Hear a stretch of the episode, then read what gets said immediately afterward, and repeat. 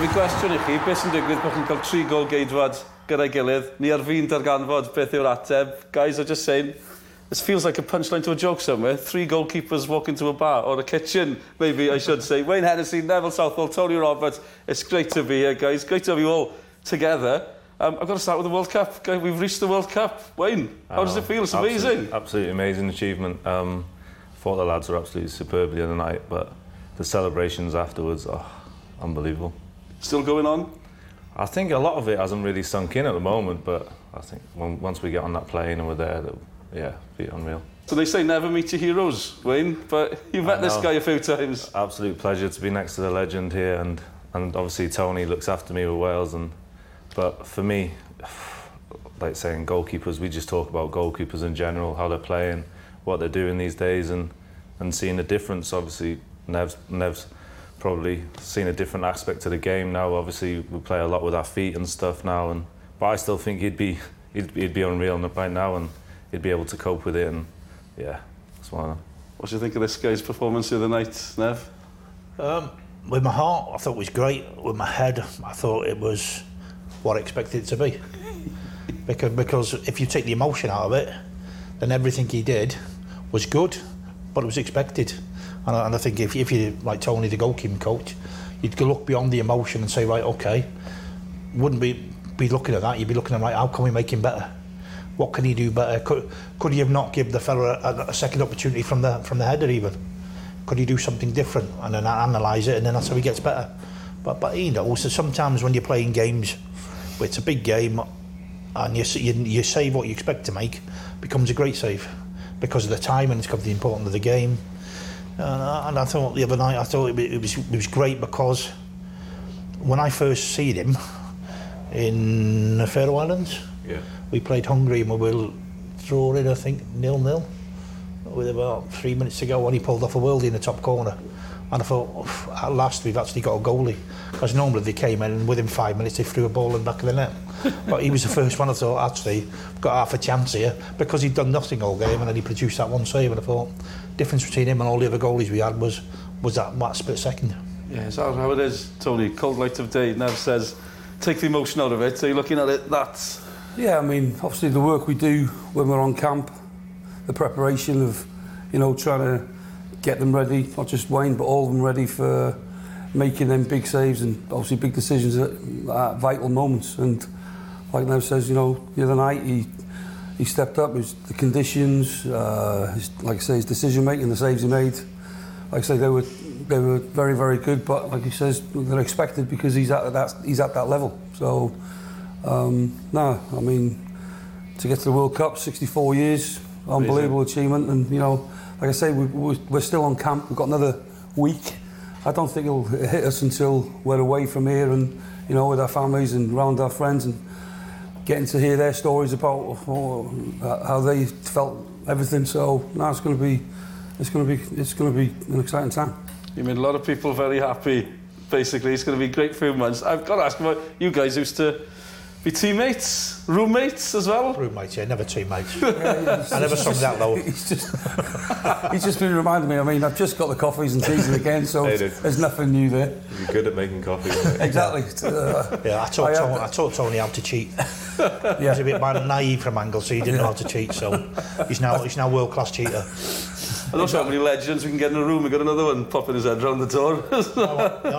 Oh, Here he is. He's a wannabe goalkeeper. yeah. He's telling us this morning about he wanted to be a keeper and all that. So When he was younger, yeah, uh, and all that rubbish. But When I said never meet your heroes, obviously he's a hero to you as a goalkeeper, he's a hero to a generation watching him. What was so special about Nev, Wayne? It's- I think he was, personally, I think he was one of the best in the world at, at, at a time where obviously a youngster growing up and, and for me, I always used to like watching Everton and Nev was just, I think, unbelievable. Um, and then he'd take it into the Wales games, but unfortunately, like I said, we never used to get to like major tournaments or anything, but Nev would always be man of the match or, or pulling off world-class saves and, and I always wanted to just be Neville Southall at the end of the day, so it was, it's always nice to watch and then, but now to speak to him and get his feedback and everything, yeah, it's really good. Yeah, how valuable is that? Just a little, little things. Are you still learning, even at your stage? Yeah, like I'm, I'm 35 years old now. There's, there's no going away from that. But I'm learning every day. and like I'm sure Nev and Tony, he, they can explain as well. That you never stop learning. You always want to get better and better and better. And for a goalkeeper, you let, if you start letting in goals, you want to know why am I doing this? Can I improve? And and that's the stage that I'm at. How much has it changed, do you think, Nev, over the oh, years? Football. That's changed because the way the way the game's played, you know, in Man and Tony's day, really, as soon as the ball went back to you, you had I do see people trying to run at you to commit physical harm on you, and if they didn't commit physical harm on you, they got they got a bollocking off somebody else, and really you didn't have as much time on the ball. I mean, there's a big myth that where people have got to be good with their feet now, and they, but they, they don't really because the way the way it's gone, people drop off, and then people make angles for you, and you can you can there's tons of space and you can play around. So really, you know, me and him could go and play tomorrow and, and, and do the back pass bit because it is quite easy because everyone runs away. You know, and all the all the things that people come out and say, well, you know, you've got you've got to be able to play out from the back. yeah, you, you, have, but there's a big myth that you have to have so many passes to score the perfect goal where the game's about results. And if you smash it down the middle and somebody adds it on they score, is that is that not as good as 200 passes? To me, it's far better because you don't have to spend all that time boring everybody to pass him round. So it has changed, and, and the physicality of the goalkeeper's changed because physicality. you know the, the crosses are different now. No, nobody really. Can't touch him. No, you Yeah, can't. yeah, you if know, and, and if, you, if you're clever, anyway, so. if you're really clever as a goalie now, you get, can get away with absolute murder. because all you have to do is go and stand next to somebody, put your arm through their arm, and say he's holding on to you, and then the referee goes ooh, and then and especially I think in international football. It's even worse because they come from leagues where, you know, if you cough in a tunnel, the goalie falls over. So, so it's, it's like that now, isn't it? They fall over, they get a free kick. So they don't like that side of it. And you could see, well, I don't think the Dutch fellow was, was comfortable on crosses. And the, uh, Ukrainian goalie, well, he was certainly um, was was a proper Dracula. He hated crosses, to be fair. And, I was about to ask what that meant. Yeah, of course. Of course. you, you could see, you know, the, the first cross he come for and he, he sort of messed it up. Then he had that ankle injury, and then he, he played on. But he, he, were, he weren't having it, you know, and maybe if he got a few more crosses in the box, made it a bit more awkward for him. I, I think maybe he scored a couple more. Because you guys, I was watching an old game, not, not even that old. I make, made me feel old when you could, there was a back pass, you could pick the ball up. Yeah. Do you know, is that one of the biggest changes football's seen in the last 30 years, do you think, Tony? Yeah, I mean, uh, You remember watching Liverpool, the great team Liverpool had, sorry, Evertonian, but they, they just passed it back to Grob or whatever. They just Yeah, kill back. the game, wouldn't they? yeah, to throw it back to the defender, pass it back to the keeper. Yeah. So, yeah, obviously the game's changed over the years, and like Nev was saying there, the playing out with the feet now is like the modern trend that teams want to have 25 passes before they score a goal. Now, like he says, if you've got one good kick and put it behind, put somebody in and you can do it in one pass, why not? I mean, um, yeah, the, the game has changed, but I think the players have changed with it. Like I say, with, with crosses, I saw an instance the other night with Neuer going up for a challenge with uh, Maguire, and he was looking for. I think his technique was poor.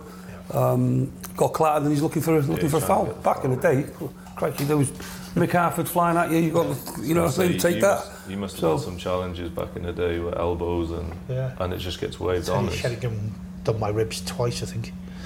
Did he? Oh, I could hear one of them crack as he hit me. I caught it above my head and he just went.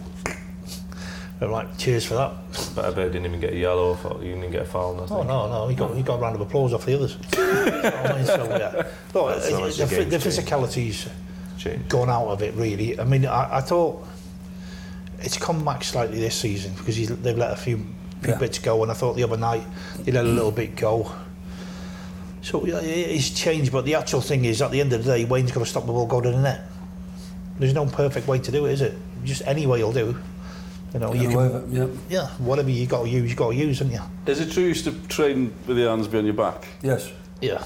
Do all keepers do that? Or Yeah, just, I No, wanted just to ask think- you about that. I tried the Was best of that- my hands. I is still that couldn't more- Is that more for head and everything. yourself, or is that more just because you just you just fancy doing it, or is that just more for your head, or Well, I, I think if you do it, there's, two, there's there's a few reasons. One, I knew some of our well, I knew internationally I'll be playing against some of our lads, yeah, right? So, you knew whether well, I could intimidate them to be to start with, Yeah. because if they can't score and I'm not using my hands, then it, it builds that thing up where they try even harder to score past you, and then, Yeah. then they mess it up. Yeah. Two, I think you'd be amazed how much footwork you can get in. Because you use more footwork to get into positions. into the- so you yeah. can stop a lot with your chest, whereas you'd be diving full length otherwise. So yeah, and I'd try and do it internationally because again I'd play with them against them domestically, and if they think, so I'll, t- I'll tell you one about Chris Coleman. Right, we we I used to try and do ridiculous tackles in training, right? Nowhere near people, but uh, even at Evan, like go this high and try and you know, but be nowhere near anybody. Yeah. But then people, oh, he's a bit mad, do you know what I mean? And then, so by the time you shout keepers, everyone's going. Yeah, because they don't want to get hurt. So we yeah. played at Palace and the ball come man, he was playing up front and I shout keepers and he went, "Mm." I thought, that's come from innit?" Come from that, Nothing, yeah. nothing else. That's come from a mad tackle that I've never hurt anybody of. So my, I base my game on intimidation, but without actually hurting people. So you can do it positionally and you can do it by doing stupid things at times. Yeah. And you can get you can get away with it. You know, I was just talking to Wayne before about corners. If I thought all the corners were going to go near post and I knew the signals, I'd go stand and put my hand up. Now that fella on the ball has got a choice. Does he put it into the area where he knows you stood, or does he change? And then as he goes his two steps back, you go back to where your normal position was. He's now got two steps to think about it. He might put the first one in, but he might not. And if he doesn't, then he, he gets an absolute roasting off all his teammates not to put it in there. Yeah, and then- then you've got him already. So it is, it's about making them do what you want them to do without doing too So much. you're affecting them, innit? Yeah. Also, also, what did you think when you was obviously training with Nev, and then you saw him go like this for shots? I was doing my best with my hands. I couldn't, You- you, know what I mean? Are you So- thinking, "Whoa, what's going on here?" Or should I try this sort of tactic? No, I couldn't try that. Uh, like I say, I've done my best with my hands and still getting nowhere near him. So, and he's like heading them away and chesting them away and Is everything. that So, was your head in? Just, Bec- Because if you can do that, you've intimidated everybody else. Yeah, exactly. They start trying harder and harder. They and, try harder. and once you once you build a little reputation, then people come through and they try that little bit harder. Yeah, I've seen it with Shields, I've seen it with Clemence, Bruce, eh, I've seen it with everybody. They build that reputation, people come through and go, oh, it's um, Schmeichel, same. They, oh, we have to try something different. Well, really, if they were any good, they just the good ones just go, well, I'm going to do this. The the other ones go, oh, oh, I'm not sure what to do here because it, he's them. And it, it does make a difference. Even just intimidation works a treat. yeah. But I you like know, that 'cause when, when, I, when I when I look at one on ones now in the Premier League, they're all six foot. What, what are you? Six foot what? six five, I am. Yeah, and you're, you're probably average for the Premier League. And they all come out and they go, they make themselves smaller. I'm thinking, how thick are you? You're telling that player who's coming through, oh, I really don't want it on the floor. So I might as well send him a telegram saying, hey, I'll put it on the floor because I'm really bothered. But I know, but then he knows you're coming through and going to put the ball on the floor, so he just dinks it over you. How thick is that? And that's not talent, that's just stupidity. So think your way through. Yeah. And that's why you can see the, the goal the other night with, with Jordan Pickford. He's gone down before the lads hit it because he's gambled. Why does he have to gamble? It's not your job to gamble, it's your job just to stay there and it's his job to score. So you don't have to do anything. that's one of the things I learned working with him. He's always, be always on about just stand up and react, stand up and react, and React to the put it on them, put it on them to, to beat you. Like, like I say now, and a lot of the trends now as well is obviously the spread. They're spreading for shots which are like eight yards away. You know what I mean? Which is is doing that instead of standing and going, leaning with your hands. so that's you know I learned that from him. That's why I try and coach to these boys, getting the angle, that's- stand up. That's nice did- to see because it started from you and it's working through. Yeah. And then hopefully when I can do my coaching role, I can lead that as well. So it's But- nice that it's but coming from it's you, all coming through the run. Common sense. What It is it when you listen to when you hear it spelt out, his comments, but it must be amazing, I don't know, meeting your heroes, as I said at the start, just discussing, having a chat. You know, I'm fascinated, I've never played in goal in my life. It must be amazing for you just to, just to hear all this exactly, stuff. Yeah. And then But you know, I played I played at Arsenal once with Dennis Bergkamp was it, right? And he come through at an angle, and he and he's waiting for me to go down, and I'm waiting for him to shoot. And we just stood there. I just stood there and stood there and stood there, and the pressure becomes more intense on him. So in the end, he just whacked against my legs, and everyone goes, "That's crap." But really, it's not because you nobody can see what you've done. But it, wa- it was as good as any other save I ever made because I'm going right. Okay, I know what's going through your mind. You know what's going through my mind. It's like chicken. Who's, who's going to who's Yeah, to blink exactly. first? You stood up for penalties then. I'm surprised more keepers just don't just stand there for a penalty, or is it way more complicated than that? It, it, dep- it depended, but see, for, for penalties, if the ball came into me and the ref gave penalty, I'd boot it as far as away as I could, and then I would walk to the 18 yard box, to the, to the left or right, Yeah. yeah. and then just Good, walk, 'cause you walk off, mind. and then he'd have to call you back, and you what? and then you just take your time, and then depends what information you're given. How has that changed, the information you get these days? How much Yeah. info Yeah. you getting before Yeah. a game? Yeah. We get we a were, lot. we were saying the same thing. He's shown six penalties from the last lad who took it, but the striker knows that he's shown us the last six. Mm. So it becomes like you know that I know. So what we're going to do, and it become it becomes really. You've got two choices. You either go where you got instinct, right, and it goes in. and Everyone goes, "What are you doing that for, you idiot?" Which is what we said. Yeah, Yeah. exactly. Or At the moment, you've got to Yeah. feel it in the moment. Yeah, or So- you go, I'm with you. Some people, because they don't like responsibility, will go, well, he's told me to die that way, I'm going to die that way. And you go, oh, well, there's nothing I can do because you've told me to go that way. Mm. So there's, the, the, the position of goalkeeping is about thinking. It's not, it's 90% mental and 10% physical. Because there's no way in the world that he'll move that body without his brain. He might. What was it like sharing a room all those years, Tony? Well, meeting your heroes, obviously, he was my hero growing up as well. First time I met him, got called up for. There was a B squad and uh, obviously the full team. I get to my room thinking I'm going to be with Roger Freestone. So all of a sudden, door go, open the door, he's gone, get the f***ing kettle on. I've gone, oh, all right. so yeah, meeting the heroes, brilliant. All right. Cheers for that. So At least you never whistled at me. I never said a word to you because you know what I mean. It was lovely. Who were your heroes, Nev? Oh yeah, Pat Jennings to be fair. Ah, right, yeah. I have to say though, Di, Di was fantastic for me, Di Davis, because when I, when I first got with Di, the first training session I ever did Di, he said, hang on a minute, that's not how you catch a ball. And I thought, "Phew, how would you know? and then we, so he went out and he was teaching me how to catch a ball, which, which is great. And then we got back to the room and he said, right, listen, he said, we're both in the same position. If you're better than me, then you should play. And we worked on that, and then he made the team. it was it was great for men. And then when I made my debut, uh, he was great. And then when we played England, he was, he was he just come on the pitch and he was brilliant. But he also taught me um, about being Welsh because he just loved being Welsh, didn't he? I mean, he, he did a bit because he's, you know, he's from Anglesey and he's, you know, he's proper Welsh. I mean, so, but but I was, I was passionate about the language and the culture and everything, and I think I think that that was good as well. Because when you when you first, I think when you first turn up, you you're just bothered about playing the game, not all the rubbish that goes on around it. I mean, and what it could mean to people in the valleys, what it could mean to to people who speak the language. You take the language worldwide, but but actually, to you just want to play the game. But he brought that together for me, and, I, and I, he was great. I got to ask, goalkeeping seems a brutal position. Do You know, few mistakes, you're out, and then you've got to wait to get your place back. It's happened to you. I'm sure it's happened to, to all of you. Do you know, what, how hard is that bit? It happens to every goalkeeper through their career. See, they'll play one minute and then they might not play, or they might get injured and stuff, and that's part and parcel of football. But at the end of the day, there's that one shirt, and, and you have to accept it and get on with it. But that doesn't mean you need to sulk or anything like that. You need to keep working hard, keep doing what you're doing in training, and then you never know, the chance might come around the corner.